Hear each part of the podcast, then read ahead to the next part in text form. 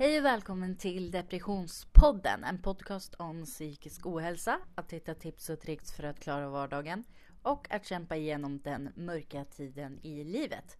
Välkommen till avsnitt 9.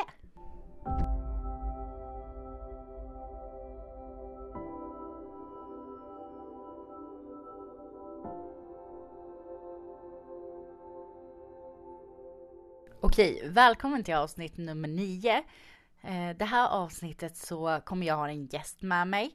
Eh, vi kommer prata genom telefonen och som ni hör så har jag mycket bättre ljud idag. Jag har nämligen hämtat min lilla trådlösa mikrofon. Det heter, den heter Handy Recorder. Och jag har haft den hemma hos pappa. Eh, men när jag var där i helgen så hämtade jag hem den hit till mig. Så nu kan jag använda den när jag poddar. Eh, dagens gäst heter Maria. Hon är församlingspedagog, hon är ledare, hon är mamma. Eh, hon är en person som man kan eh, gråta ut bredvid. Hon är en person som stöttar, hon är en person som motiverar, hon är en person som peppar. Hon är en väldigt viktig person som jag har i mitt liv. Och eh, jag tror att det här kommer bli jättebra. Och eh, som ni kanske har sett på Facebook och Instagram så har det funnits eh, eh, så har det funnits möjlighet att eh, fråga henne frågor. Så att lite senare i podden så kommer jag också ställa de här frågorna som ni har frågat till henne. Eh, så jag hoppas att det blir jättebra. Jag tror att det blir jättebra för Maria är jätte, jättebra. Välkommen Maria till podden! Hej, tack! Hej! Hur mår du idag? Eh, jag mår bra. Eh, jag har varit ute på eftermiddagen här, det var jättekallt eh, så att jag blev så här, oh, hem till brasan. Men jag mår bra faktiskt. Mm. Gud vad skönt. Du då? Du då? Nej men jag mår bra. Jag har alltså haft en skön dag. Vi har haft skola och sånt. Eh, men eh, nej men alltså det har varit skönt och sen typ vi slutade ju typ halv tre. Så att Mm. när jag när det väl när klockan typ väl var halv tre då såg jag att så här eh, att det blev typ från att ha gått till helt vit himmel till att gå till helblå.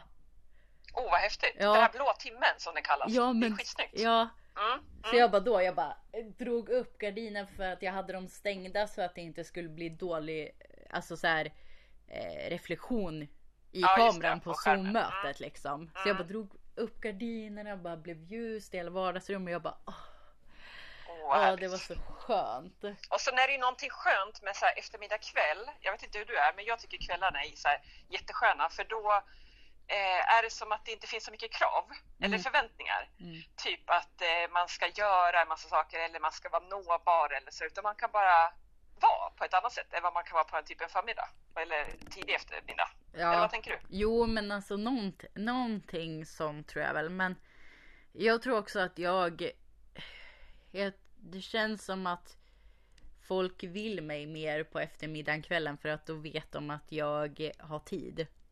Och att du har vaknat. Ja, ja men, men typ. Ja, det är klart.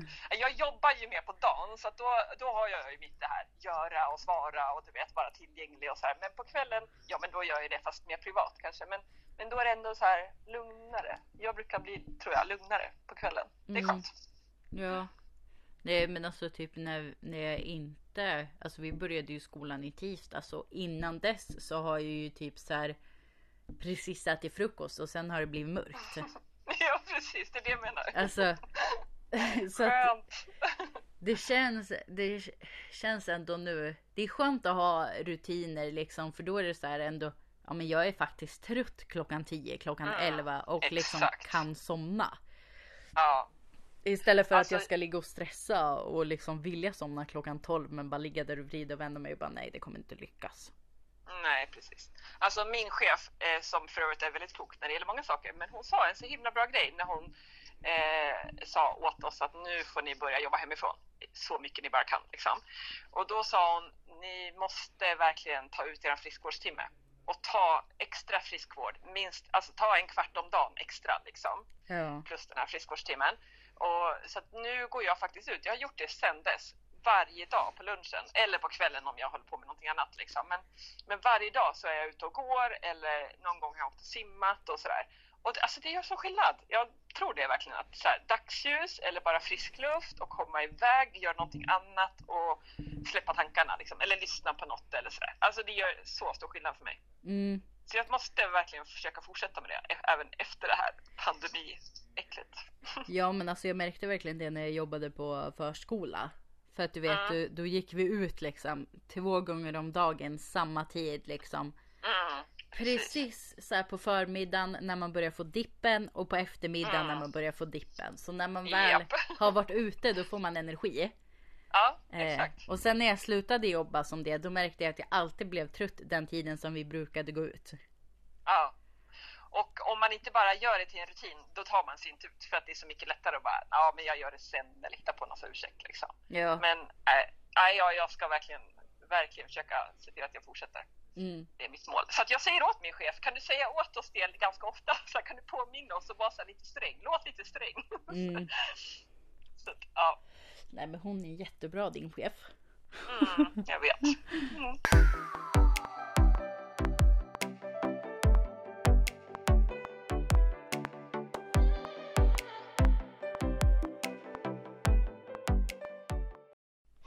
Nej men ja Maria, eh, då har vi pratat redan i tre minuter utan att du ens har presenterat dig. Ja, hej! Maria heter jag. Sorry. Men det blir lätt så när man. Nej men det blir lätt så när man så här, känner någon för jag bara säger jag vet ju eh, vem du är. Men just det, vi pratar ju med några andra också. Ja, exakt. Ja. ja, men jag heter Maria, jag är 41 år, jag jobbar som församlingspedagog. Eh, ja, det var så här det formella liksom. Typ. Ja, det privata då? Eh, jag är gift, jag har två barn, jag bor på landet. Jag är mycket mindre social eh, privat än vad jag är på jobbet. Jag är så extrem social när jag är på mitt jobb så jag behöver inte vara det på min fritid. Det är jätteskönt. Det, om man är det så himla mycket på jobbet orkar man inte vara det på fritiden på samma Nej. sätt heller. Nej, jag tycker om att gräva och kratta och skotta snö. Liksom. Sånt där som andra tycker är skittråkigt med en Ja. trädgård. Det är mina hobbys. Jo men alltså man märker ju liksom så här. Alltså. Jag som känner dig så jättebra och du som känner mig jättebra. Du, vi, vi märker verkligen när vi går ifrån det här att så här. Shit nu måste jag vara jätteextrovert och sen bara så här. Mm.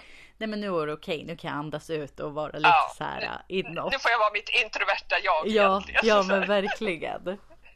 Jag delar ju arbetsrum med en kollega och, eh, som är också introvert och så här högkänslig och tar in mycket intryck. Och, så att ibland så säger vi bara så här, ska vi bara stänga dörren och så här ha det tyst? Eller så kan vi sitta och småprata, men liksom båda typ bara sitter och scrollar eller bara så här glor Ja. liksom.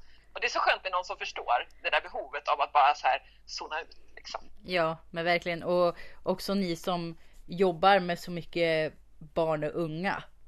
Mm. Alltså kan man Ja. tänka när man väl sitter på sitt kontor och inte jobbar med alla de här praktiska sakerna. Mm. Då förstår Ja, jag man att... måste bara vara liksom. Ja, men precis. Men den här podden handlar ju mycket om psykisk ohälsa. Eh, hur möter du psykisk ohälsa i ditt jobb som församlingspedagog? Oh, Alltså om man bara hör så här församlingspedagog, men vadå, du är så här pedagog, du gör en massa saker och pysslar och leker och du vet så här. Och det är klart att jag gör, gör en massa saker. Men eh, sen kanske det också spelar in hur man är som person. Eh, och eh, jag skulle nog säga att jag har ganska lätt för att jag tycker att det är viktigt. Så att jag har övat mig till att faktiskt fråga människor som jag möter, och speciellt i mitt jobb, hur, hur det är. Liksom. Hur, Mm. man, hur den andra mår. Eh, och inte bara så fråga och sen bara mm, lite artigt så Mm. och sen var det inget mer med det utan följa upp och fråga mer eller liksom och verkligen stanna kvar och visa att jag vill, vill höra svaret och jag vill ha det ärliga svaret. Mm, Eller att jag kan stå ut med det ärliga svaret. mm, Eh, och det tänker jag är inte alla församlingspedagoger som har det fokuset kanske. Det beror ju på liksom, hur man är som person. Men jag tycker att det är en jättestor del av mitt jobb. Mm. Faktiskt. Jag, Att, att eh, möta människor och då möta dem på riktigt. Alltså att man får vara då ärlig. Har man en pista, då får man säga att det är en pista. Man måste inte låtsas liksom. Men jag nej. tycker det är skönt. Ja. Nej men jag tycker att det är mer oartigt att fråga hur någon mår men sen inte verka intresserad. I samarbete med mig själv, Elin Fridström, så tänkte jag bara berätta att jag håller på med en bok som kommer släppas den 14 februari på alla hjärtans dag. Och Det går redan nu att förbeställa den som pdf-fil och ljudbok.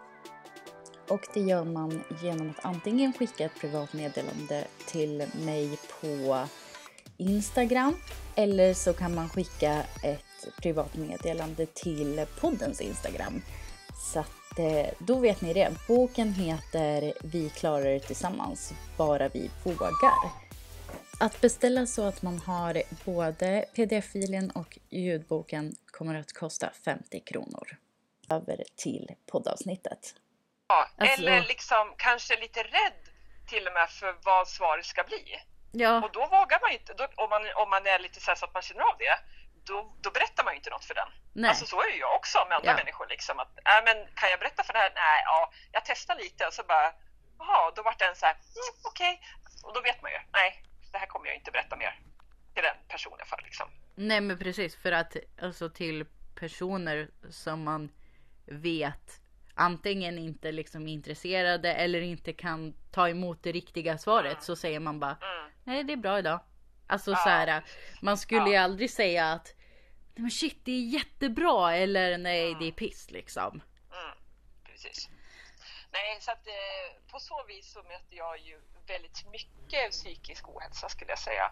Och det har väl att göra med att, att vi, jag tänker ju att vi alla bär ju på något skit liksom i perioder och det går upp och ner i våra liv och så här. Eh, och då, jag träffar ju många människor som jag träffar regelbundet, alltså eh, ganska långvariga relationer liksom. Ja. Och också många relationer med många olika barn och ungdomar. Så att eh, jag hinner ju oftast komma förbi det där artighets, hur mår du, ganska snabbt och hinna ha en ganska lång relation liksom, med ganska många. Så att det är klart att då, då blir det så att jag får lyssna på mångas liksom, liv, eller vad man ska säga, och ta del av det. Mm. Eh, vi, vi har fått jättemycket frågor till dig. Åh, vad spännande! Ja. Vad kul! Eh, så att jag ska kolla upp de här. Jag fick jättemånga frågor på eh. Instagram faktiskt. Mm. Eh, så att nu ska vi se här. Här har vi. Okej. Eh, först är det, vad är det bästa med att jobba med ungdomar? Åh, vet du, alltså jag tycker att det är så lyxigt att göra det.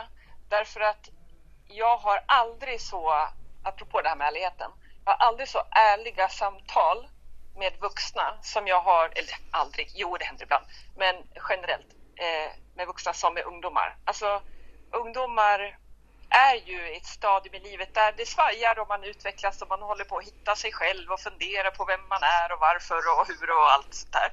Och då tänker jag att det blir en annan typ av samtal som jag tror att många vuxna är inte där liksom. Och det kanske de inte behöver, men det gör ju att man eh, mer sällan kommer ner på så djupa grejer med Mm. vuxna. Och ungdomar är mycket mer liksom raka och ärliga generellt, Mm. tycker jag. Och jag tycker det är jättespännande och så lyxigt att få vara en vuxen som unga pratar med. Mm. Inte alla såklart, liksom. Eh, men jag tänker att det är så viktigt att få, få prata med någon som är lite äldre, som, kan, som är beredd att lyssna. Ja, men du vet alla de där sakerna. Liksom. Jag vet Ja. ju hur mycket det betyder för mig när jag var ung. Så att, ja, lyxigt. Och vad är det värsta? Eh, det är det där med kvällar och nätter. När vi vill vara uppe och springa. Eller inte jag då, jag är gammal. Men Nej, ja. Men alltså jag jobbar ju mycket åka på läger och sådär. Och då är det ju dygnet runt. liksom jobb. Men jag behöver några timmars sömn. Men nu är jag ju så rak med min tantighet så det, det brukar inte vara något problem. Jag säger bara, jag är tant, nu går jag och lägger mig. Så.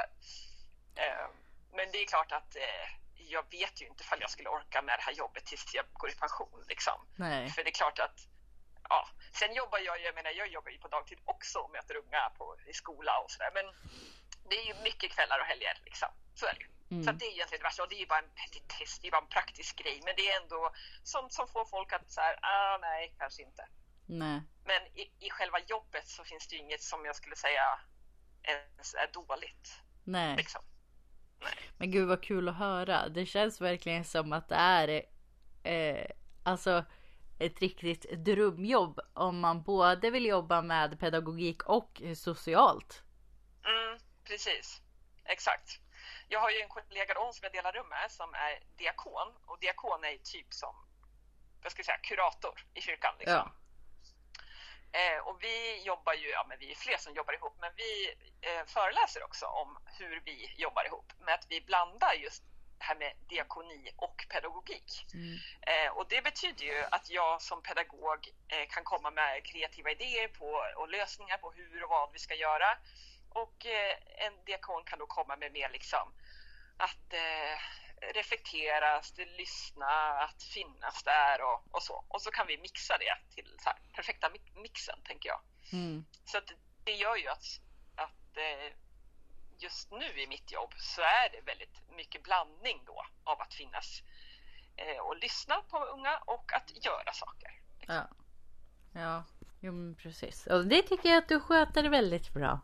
Mm, tack! Jag måste bara, jag måste bara säga till er som lyssnar att jag är ju med i Marias ungdomsgrupp. Eller hon, hon är med i min grupp. Det är hon som kom in senare än mig. ja, faktiskt. Precis. Jag fick vara med. ja. Nej men vi är i samma kyrka. Så att Mm. det, det är så vi känner varandra. Ja, precis. Eh, nästa fråga. Mm. Eh, vad är ditt mål i livet? Oh. Eh, det är att ha en inglasad veranda. Nej, jag skojar. Alltså det, är så här, det är mitt praktiska mål där jag ska Ja. sitta och skriva en bok. Ja, för skriva en bok är faktiskt ett mål i livet. Eh, kanske det blir fler, jag vet inte. Jag har inte börjat på den första. Ehm, Du skulle ju, det var ju flera år Ja. sedan du sa att du skulle ja, börja. men det har jag sagt hela mitt liv tror jag. Författare vill jag bli när jag var liten. Eh, Men jag har nog inte sådana där jättekonkreta mål. Eh, apropå det du pratade om förra veckan i podden så jag kan ha så här i år vill jag fokusera på det här kanske, lite inriktningar men jag har inget så här Åh, tänk om 20 år när jag har uppfyllt den där drömmen. Inget så, utan jag tycker att jag gör ju det nu som jag vill göra nu liksom. Ja. Och sen kan jag ju så här, ja jag vill ju plugga så att nu, ja då ser jag ju till att börja plugga. Så att, ja, det kan ju vara ett mål att jag har gjort klart det till exempel. Så här. Eller ja, den där inglasade verandan liksom. Men jag har inget bråttom med den, men den finns där på listan liksom. ja. Åka till Japan är ett mål. men, men det är så saker och händelser liksom. Men mer allmänt övergripande, nej. Jag, jag är nöjd. Ja, gud vad skönt. Att man kan känna sig det liksom sådär mitt i livet. Mm. Ja, men annars så skulle jag nog kanske sagt så här att göra skillnad eller när jag var 18 skulle jag sagt rädda världen. Och det tänker jag ju att jag gör lite grann genom att göra lite skillnad. Och jag kan inte göra skillnad för alla och allt men jag kan göra lite grann. Och det känner jag ju redan att jag gör. Så det är ju ett mål som jag förverkligar liksom hela tiden. Ja, jag tror att eh, bara med det som eh, vi jobbar med och det som vi gör varje dag så tror jag liksom att vi eh, räddar någon liten människa på något plan hela tiden. Mm. Ja, men Liksom, precis. alltså Ja, men bara. vi är ju liksom resurser för varandra. Vi, jag har ju några bekanta, vi, vi kallar oss för resurspersoner för varandra Ja. och har ju liksom utvecklat det där att man, man har ju verkligen behov av olika resurser i sitt liv. Eh, och det är här, nästan utopiskt och omöjligt att tänka sig att en annan person skulle uppfylla alla de där resursbehoven man har. Liksom. Hur ska man kunna vara kär i den som också ska kunna du vet, vara händig i ens hus eller eh, som också vill diskutera böcker och som också har samma filmsmak. Alltså egentligen Ja. så är det ganska så här. Så jag tänker att man behöver vara resurser för varandra på olika sätt. Och man får ju se till att fylla sitt liv med, med de resurser man behöver och tycker om. Och liksom. Ja, det är väl ett bra mål. Att Ja. vara resurs för någon annan. Det är ju verkligen. Eh, jag vet inte hur mycket erfarenhet du har utav den här nästa fråga. Men vart kan man vända sig om man har olika beroender och vill ha hjälp? Ehm, det kanske beror lite på... Alltså jag tänker att nu för tiden så finns det så specificerad hjälp. Till exempel om man är spelberoende så, så googla spelberoende hjälp. så får man säkert upp någon så här förening eller stödlinje eller chatt eller någonting. Så att jag tror att det beror lite på vad det gäller skulle jag säga.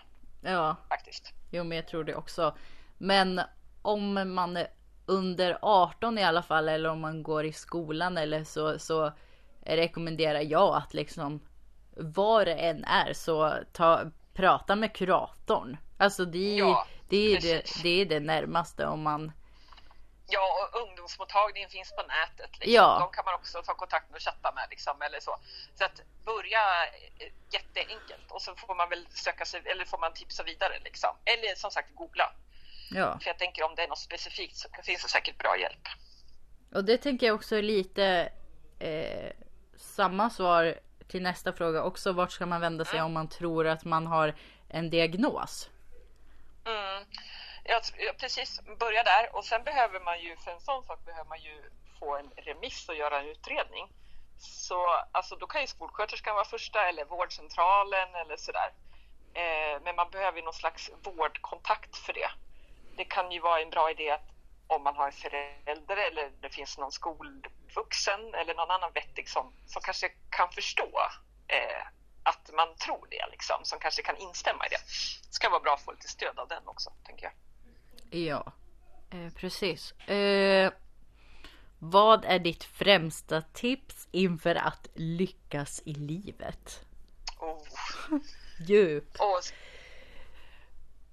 eh, ja, men det blir ju kanske något så här klyschigt då, men ändå som jag har tänkt på, det är nog att eh, alltså jag tycker att jag har haft ganska stark så magkänsla.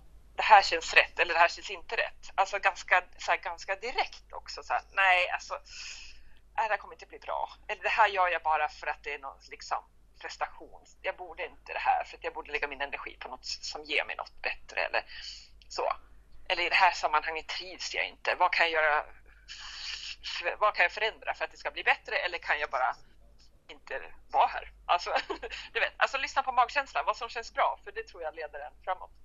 Om jag tittar tillbaka på de senaste 20 åren i mitt liv så hade jag ju inte haft någon aning om att min väg skulle se ut så här. Utan jag, när jag ser tillbaka så ser jag att det finns eh, den ena saken har lett till den andra. Och så har jag träffat någon och det har bidragit till att jag har förändrats på något sätt och sen har jag, ja du vet. Ja. saker. Men magkänslan är bra tror jag. Och såklart om man har drömmar, då kan man ju ha det som liksom på något vis ett, en sån där röd tråd att följa. Eh, vi pratade ju om hur det är att träffa ungdomar med psykisk ohälsa. Mm. Eh, hur lär man sig att ha disciplin och orka göra jobbiga saker eller ta hand om jobbiga situationer? Mm. Oh, det är jättejobbigt, man vill bara skjuta upp det eller typ bara stoppa huvudet i sanden. Liksom. Så här, om jag ignorerar det försvinner det. Det Ja. gör ju inte det. Det är så jäkligt. Alltså, eh, mitt bästa för mig själv är så här, bara gör det nu. Eller bestäm när du ska göra, för allt kanske bara kan göra nu, nu. Men bara bestäm att eh, först ska jag gå och sätta på en kopp te, sen ska jag ringa det samtalet. Ja, Eller idag när jag kommer till jobbet så måste jag gå in till chefen och säga det här. Eller vad det nu är för någonting. Alltså ta itu med det bara. Alltså så konflikter och sånt som ja, men så här, inte känns bra i magkänslan. Liksom. Det, nej, bort med det genom att lösa det. mm, Och allt, man kan inte alltid lösa allting, men man kanske kan prova, se ifall det finns någonting man kan göra. Men att fly det, det nej, det funkar inte för mig. för att jag lyckas inte stänga av det och då går man bara runt med den här klumpen i magen och det är inte hållbart. Liksom. nej, och ta med det liksom. Ja. Nej, då kan man inte sova. Nej. Nej, du vet. Nej. Ja. Eh, Men det är verkligen jättejobbigt. Det är jättejobbigt att tvinga sig själv att göra obekväma saker. Sånt som, man, som inte är dåligt för en, men ändå som så här, det tar emot liksom. Mm. Usch. Ja men verkligen och Nej men alltså till exempel om eh, nu går jag lite privat, men om, eh, om till exempel jag och min sambo liksom typ är oense om något så här så att det är nära på att vi eh, börjar bråka eller så. Eh, så vi, vi bråkar aldrig. Men Nej. vi kan ha olika åsikter om saker. Mm. Och eh, liksom grunden i vårt förhållande är kommunikation. Så att Mm. för att vi ska slippa eh, bråka med varandra så är det så här. eh, Vi går inte runt och liksom tänker på saker om varandra eller vad den andra har sagt utan vi tar upp det direkt. Mm. Det är väl en jättebra grej liksom. Och särskilt nu, ni menar ni lever ihop, alltså ni bor ihop och ni är hemma liksom Ja. ihop Ja, om dagarna precis. så här, då kan man ju inte gå runt och säga bara åh vad irriterande att hon alltid eller att hon tänker så liksom. Mm. Nej. Nej men alltså och jag går ju på folkhögskola och där är typ där är typ deras eh, favoritmening bara Det blir som det ska bli Ta det senare när det händer.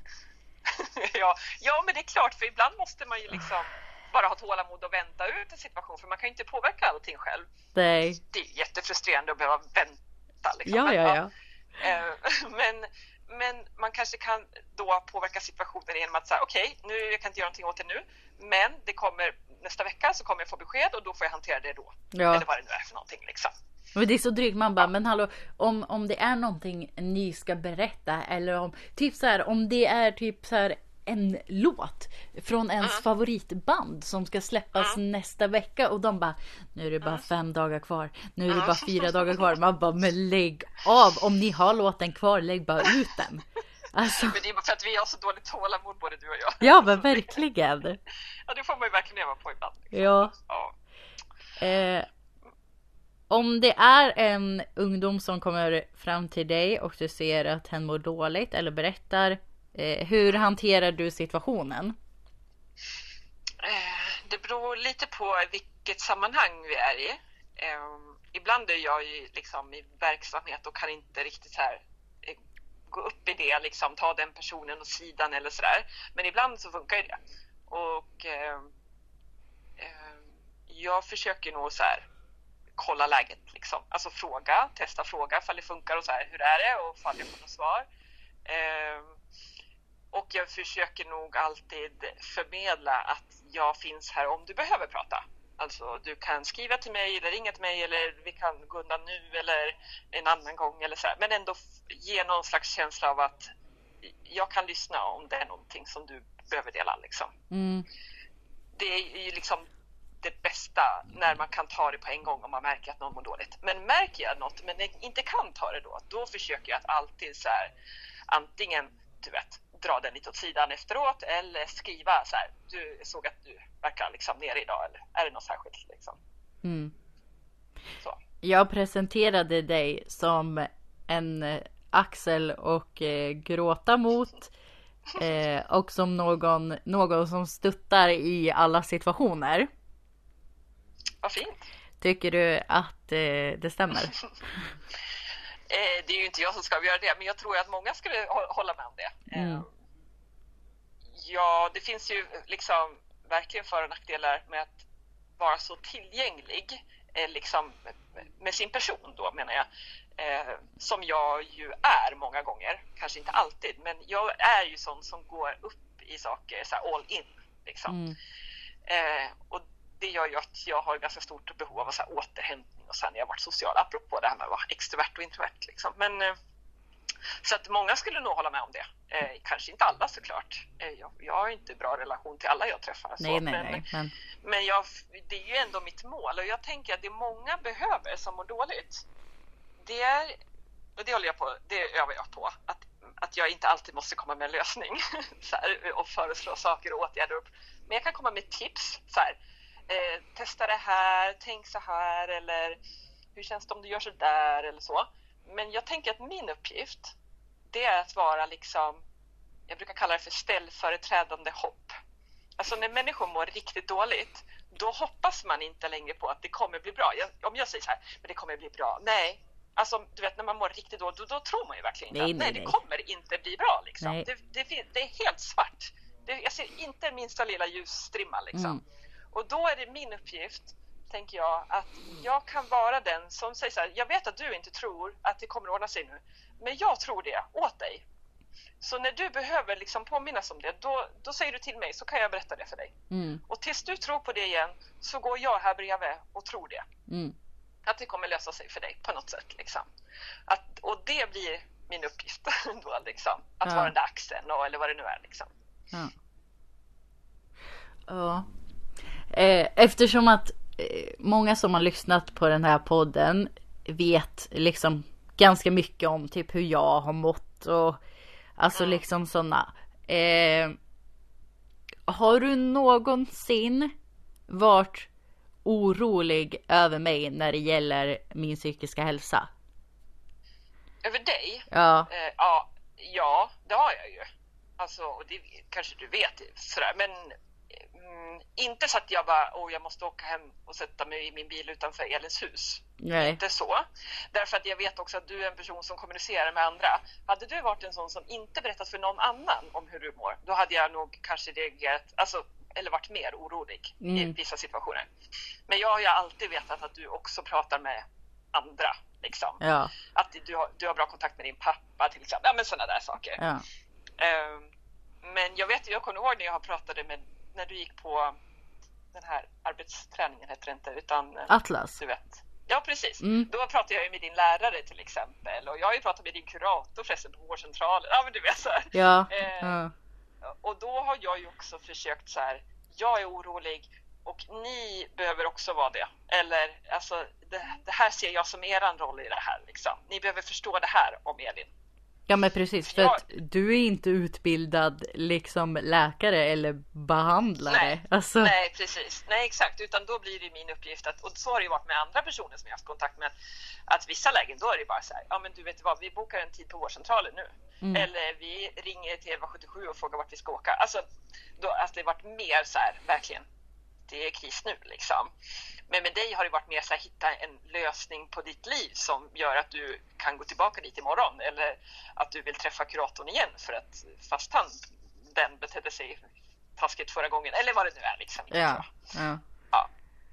Så att, ja, jag har varit orolig men jag har inte varit så orolig som jag hade kunnat vara om du hade varit annorlunda som person. Nej. Nej men jag förstår för att jag, jag, jag tror att liksom, ja men som du säger, om jag liksom om du visste att så här, jag bara pratade med dig om det eller nästan kanske inte ens alls nästan inte pratade om dig utan du typ Nej. så här ja men hade bara märkt men så här Mm, nej men hon säger precis. ingenting till någon. Ja, Men alltså jag, jag, jag typ alltså strävar alltid, alltid till att vara liksom så himla öppen med hur jag mår. Alltså mm, speciellt om jag är med liksom yngre eller alltså så med andra människor att så här nej men alltså jag, jag är här idag, idag. Men alltså jag mår dåligt men men jag kommer hit för att det här är en, en, en trygg plats och jag känner att jag kan vara här. mm. Eh, Precis, och det, det är det som gör att många liksom, ser ju dig som en förebild i det, tänker jag. Eller som, så, ja, men där är någon som vet hur, kanske hur det känns eller som kan sätta ord på det och till och med så, oh, inför gruppen säga att. Eller liksom, och det tänker jag är jätteviktigt, att, apropå det här, så här våga prata om psykisk ohälsa. Liksom. Att man också inte bara så här, pratar i en podd eller pratar på en föreläsning eller pratar i en bok, eller så, utan också pratar sinsemellan, människor, liksom, i det här vardagliga. Det tror jag är jätteviktigt. mm, ja men verkligen. Eh, ska vi se, det var någon till fråga.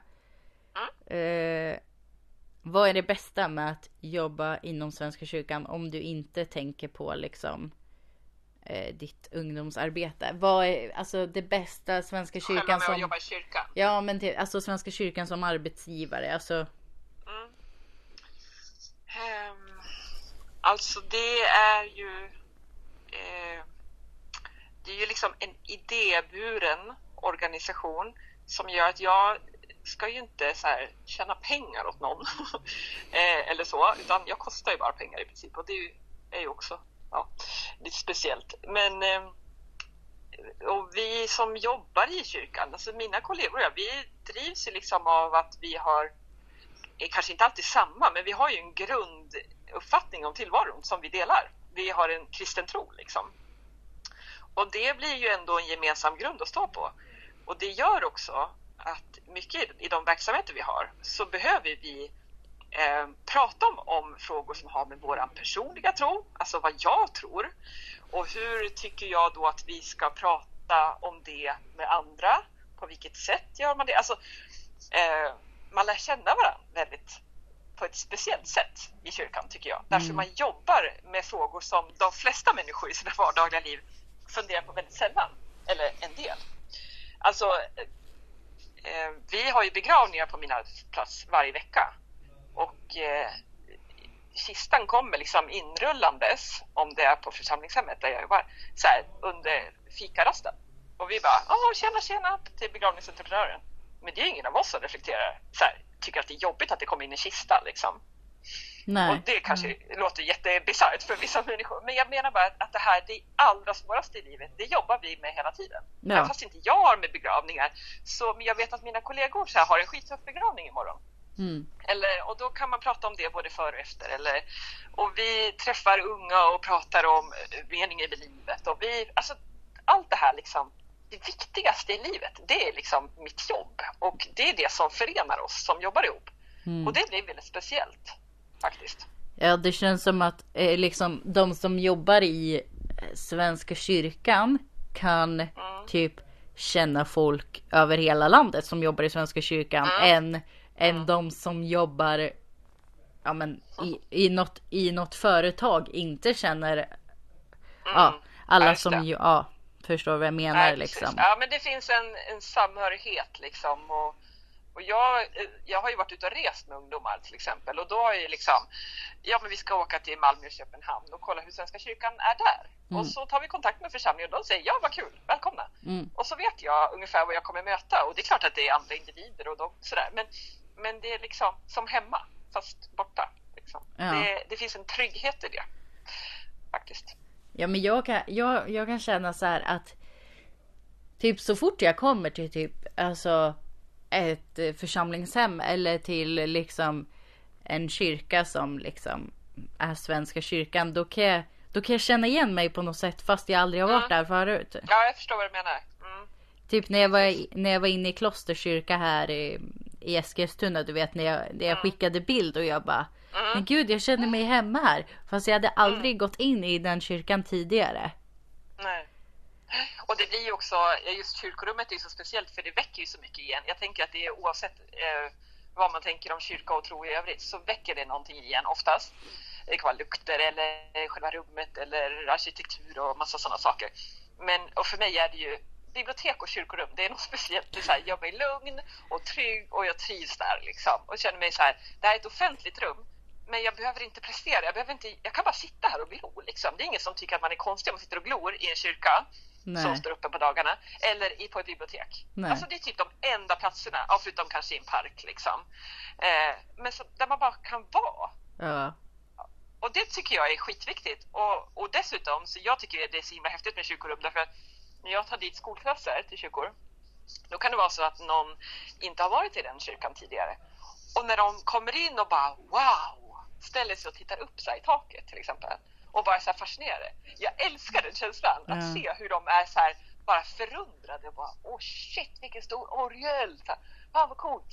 Alltså, det, det, är så häftigt att kunna väcka den så här wow-känslan hos andra människor genom att bara så här öppna dörren och, och visa dem ett kyrkorum. Liksom. Ja, men... Jag tror att det är jätteviktigt för att man ska må bra. Apropå det här med hälsa så tror jag att sådana upplevelser gör att man kan prata om de där stora frågorna. Mm. Och då tror jag att livet blir lättare att hantera om man delar dem. Mm. Och jag tror också att eh, man eller folk har eh, lättare att typ så här, alltså jag vet inte vad jag ska säga men typ så här acceptera typ kristna människor eller de som går i Svenska kyrkan om de faktiskt typ har varit inne i en kyrka och bara men gud det här är inte läskigt eller det här är inte mm. Alltså mm. För att när jag, var, när jag var då i klosterkyrka första gången. Mm. Då satt jag bara där och så tittade runt. Mm. Eh, och då kom in en barnfamilj och sen så var det en kille, han kanske var typ så här sex eller sju år. Mm. Eh, och sen typ så här sp- sprang han in vid altargången. Och typ så här stannade precis innan eh, trappen, för det är en trappa upp till altaret liksom. Stannade han precis innan trappen, sen bara tänkte han gå upp och hans mamma bara nej, nej, nej, stopp så här. Att så här, nej, du får inte gå upp där. Typiskt vuxna. Ja, ja. Eh, och sen jag bara kollade bak på henne och sen hon bara Åh, förlåt att han springer, förlåt att han vä- väsnas. Jag bara nej, det gör ingenting. Jag bara så här, även fast det inte ens var min kyrka, jag bara nej, det gör ingenting. Låt han gå upp där. mm. Alltså så här, jag bara kände mig Exakt. direkt som att jag så här. kunde prata för kyrkan. Ja men typ som så här när vi är, i förs- eh, när vi är på Kä- Källmora på vårt liksom på vår församlingsgård eller när vi liksom är i Sura kyrka och det kommer några barn in. Jag bara nej men gud prata på, spring runt, kolla, utforska. Så bara kände jag att jag kunde säga det fast det inte ens var min kyrka. Ja, det är ju jättehäftigt. Alltså det var så här. Och hon bara, hon bara nej alltså man måste vara tyst så här. Eh, och jag bara, ja alltså det är delvis sant att liksom man ändå ska hålla en lite så här låg profil och vara lite tyst. Men nu var det bara jag i kyrkan. Mm. Så jag bara, nej men gå runt så här och titta och så här prata med varandra. Och hon bara, alltså, du vet hon kollade på mig och var typ så helt förskräckt och helt chockad. Bara, men gud vad säger du? Precis så brukar lärarna titta på mig när jag tar i skolklasser till kyrkorna. Och jag börjar med att säga innan vi går in så här, ja det finns ju liksom mycket tradition att man ska ta av sig huvudbonaden och det är sen gammalt och så pratar vi om det så här. Hur visar man respekt? För det handlar ju om det. Det finns Ja. andra sätt att, idag som är mer aktuella på att visa respekt. Liksom. Man kanske inte måste ta sig kepsen utan man kanske kan vara res- respektfull ändå. Mm. Och sen får de alltid gå upp i predikstolen och så får de en uppgift, lite olika, så här, där de ska säga någonting och ibland så får de skrika saker i predikstolen. Ja, För det hörs så bra då. ja. Eh, och jag brukar säga det, så det här kanske är enda gången i era liv som ni faktiskt får skrika så här, testa verkligen akustiken där uppifrån liksom. Mm. Och så lärarna bara står med uppspärrade ögon och tänker så här, vad säger hon åt oss? Och alla elever tycker att det är jättekul liksom. Ja, nej, jag, jag tror det där vuxna är så himla hämmade liksom. Och det är klart att det finns en massa så här normer för hur man beter sig och sånt. Och vi är så, vuxna är så himla försiktiga med att bryta normer liksom. Och rädda för det tror jag. Medan barn och unga är ju mycket mer liksom villiga och modiga att testa det. Och det är spännande. Mm. Ja men jag har ju fått jättemycket klagomål av gamla tanter bara vad jag eh, har på mig. Alltså Ja, att jag inte har på mig det- fikostym liksom. Och jag bara ja men alltså jag, jag kan förstå det. Jag bara men då ska du gå liksom på en ungdomsgudstjänst. Det är vi som är framtiden. Alltså lite. Mm. Det är såklart att alltså, vi kanske inte ska ha bikini på oss i kyrkan. Men Men att säga nej jag behöver inte ha polokrage och eh, Alltså En kjol som går ner till anklarna bara för att det är så som det alltid har varit. Nej, men det är lite som, jag tänker så här podden nu återigen så här, eh, vadå ska vi inte prata om att folk mår dåligt bara för att det, det har vi inte gjort förut? Alltså det är så, det är så sjukt liksom. Nej men precis. Man måste ju säga, ja och sen är vi olika liksom vana vid nya saker och så här. Och, visst, men ibland måste faktiskt vuxna bara så här vara tysta och så här, följa efter de yngre tänker jag Mm. faktiskt. Ja men verkligen. Alltså nu, nu har vi pratat jättelänge. Mm. Och eh, tiden håller på att rinna ut och jag, jag har inte ens eh, frågat dig någonting om eh, ätstörningar eller ditt eget eh, liv med något annat. psykisk ohälsa. Du får klippa bort något. Ja, men jag skrev ju en eh, shoutout till dig till, till eh, podden då i början när du hade träffat Ella och ni pratade om mamma Maria och det var ju jag då. Och då skrev jag ju någonting om att om jag, eller när jag skulle vara med i podden så skulle jag ju prata, säga någonting om det här med ställföreträdande hopp, och det har vi ju pratat om. Eh, fötter i golv och händer på mage. Ja, det har ju att göra med mina knep då för till exempel panikångest och sådär. Ja det som jag har Eh. pratat om. Ja, precis. Eh, att vara närstående i någon annans ohälsa och varför de tror att jag är alla deras mamma Maria. Ja, just det. Och jag tror ju att ni tror att jag är allas mamma Maria därför att eh, jag är där, den där axeln liksom. Eh, och har funnits där för er som nu hänger ihop liksom i några, flera år. Eh, mina barn har ju fått lära sig att jag är mamma åt flera, ganska många. ja, ni vet mina ungdomar, de där från jobbet liksom. Alltid när jag hejar på folk och vart vi än är så träffar jag barn eller ungdomar som jag känner igen och de frågar alltid vem var det där? Vem var det där? Så det har de fått lära sig. Och jag tror att det har att göra med det där lyssnandet. Det, så är det. Mm. Sen kan jag vara så. Men eh, att vara närstående någon annans ohälsa, det hade ju också att göra med, med eh, att jag är stora syster till en person som har haft väldigt svåra ätstörningar. Och det har ju du också pratat om här i podden. Mm. Så, själva ätstörningar. Så, eh, ja, så det var ju egentligen det som, vi, som jag tänkte att det måste vi se till att vi har pratat om. Vad är det för mussa du har? Eh, det är min där det står I am your sister. Var är den från? Det är ett märke som heter så. Mm -hmm. eh, så jag, jag, bara hittade den på nätet och jag tycker att den, ja det passar jättebra idag. Tänkte ja. på det har ju, jag har ju mussa på mig för att jag sitter i mitt kalla förråd för att det ska vara tyst. Men jag tänkte om det var någon så här kampanj eller något. Nej, de, men de har lite så här hoodies och sånt med, med det där märket på. Och eh, det handlar om att en del av behållningen för, för det som säljs eh, går till att hjälpa utsatta kvinnor eh, som kanske behöver skyddat boende och sådär.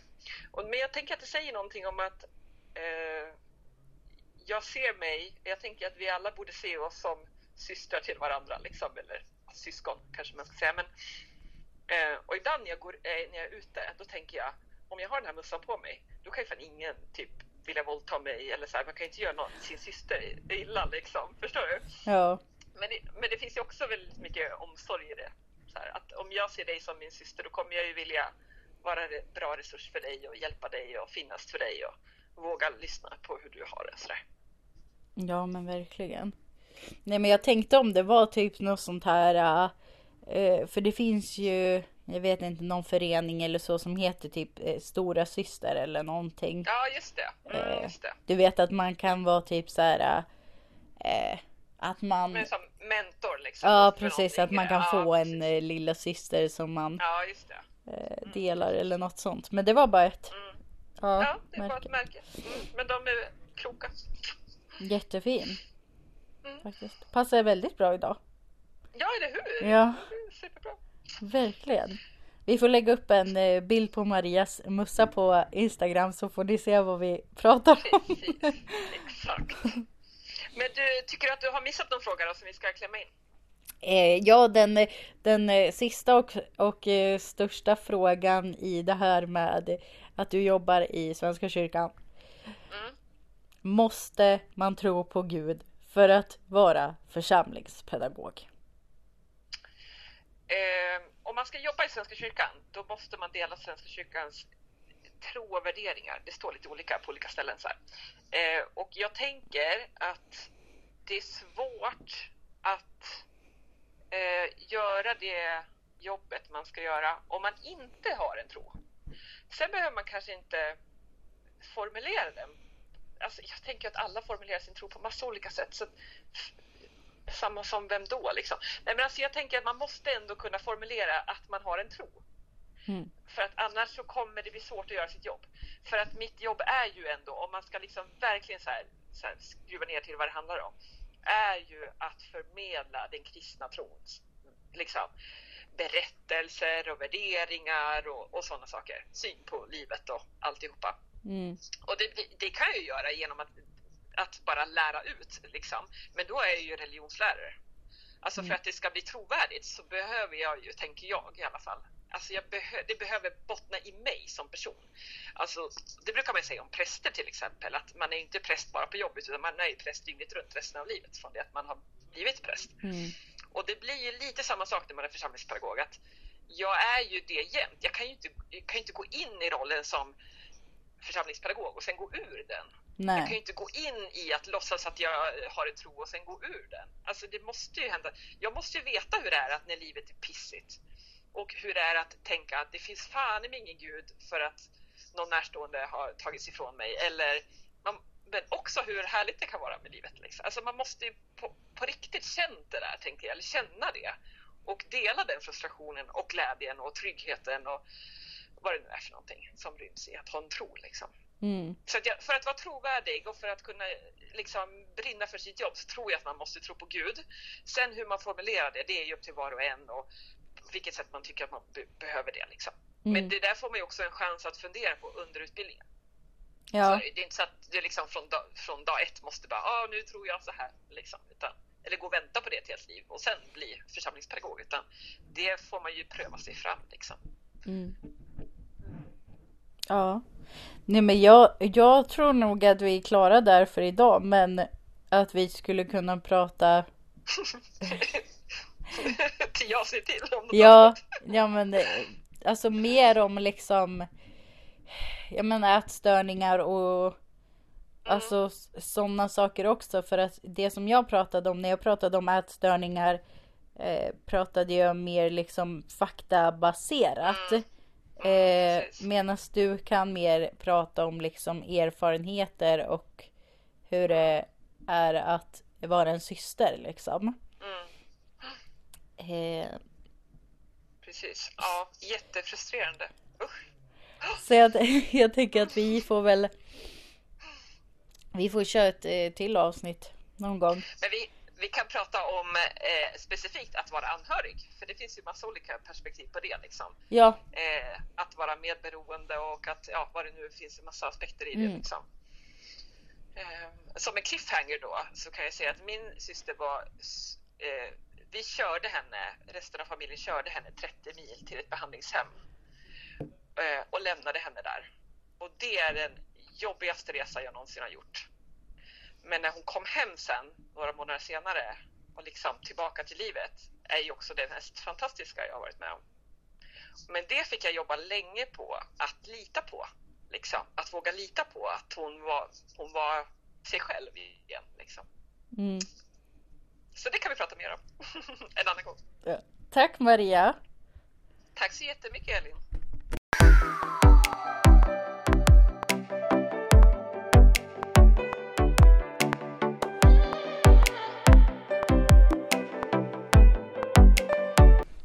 Så mycket Maria för att du var med på Depressionspodden. Tack så jättemycket för att ni har lyssnat på det här avsnittet.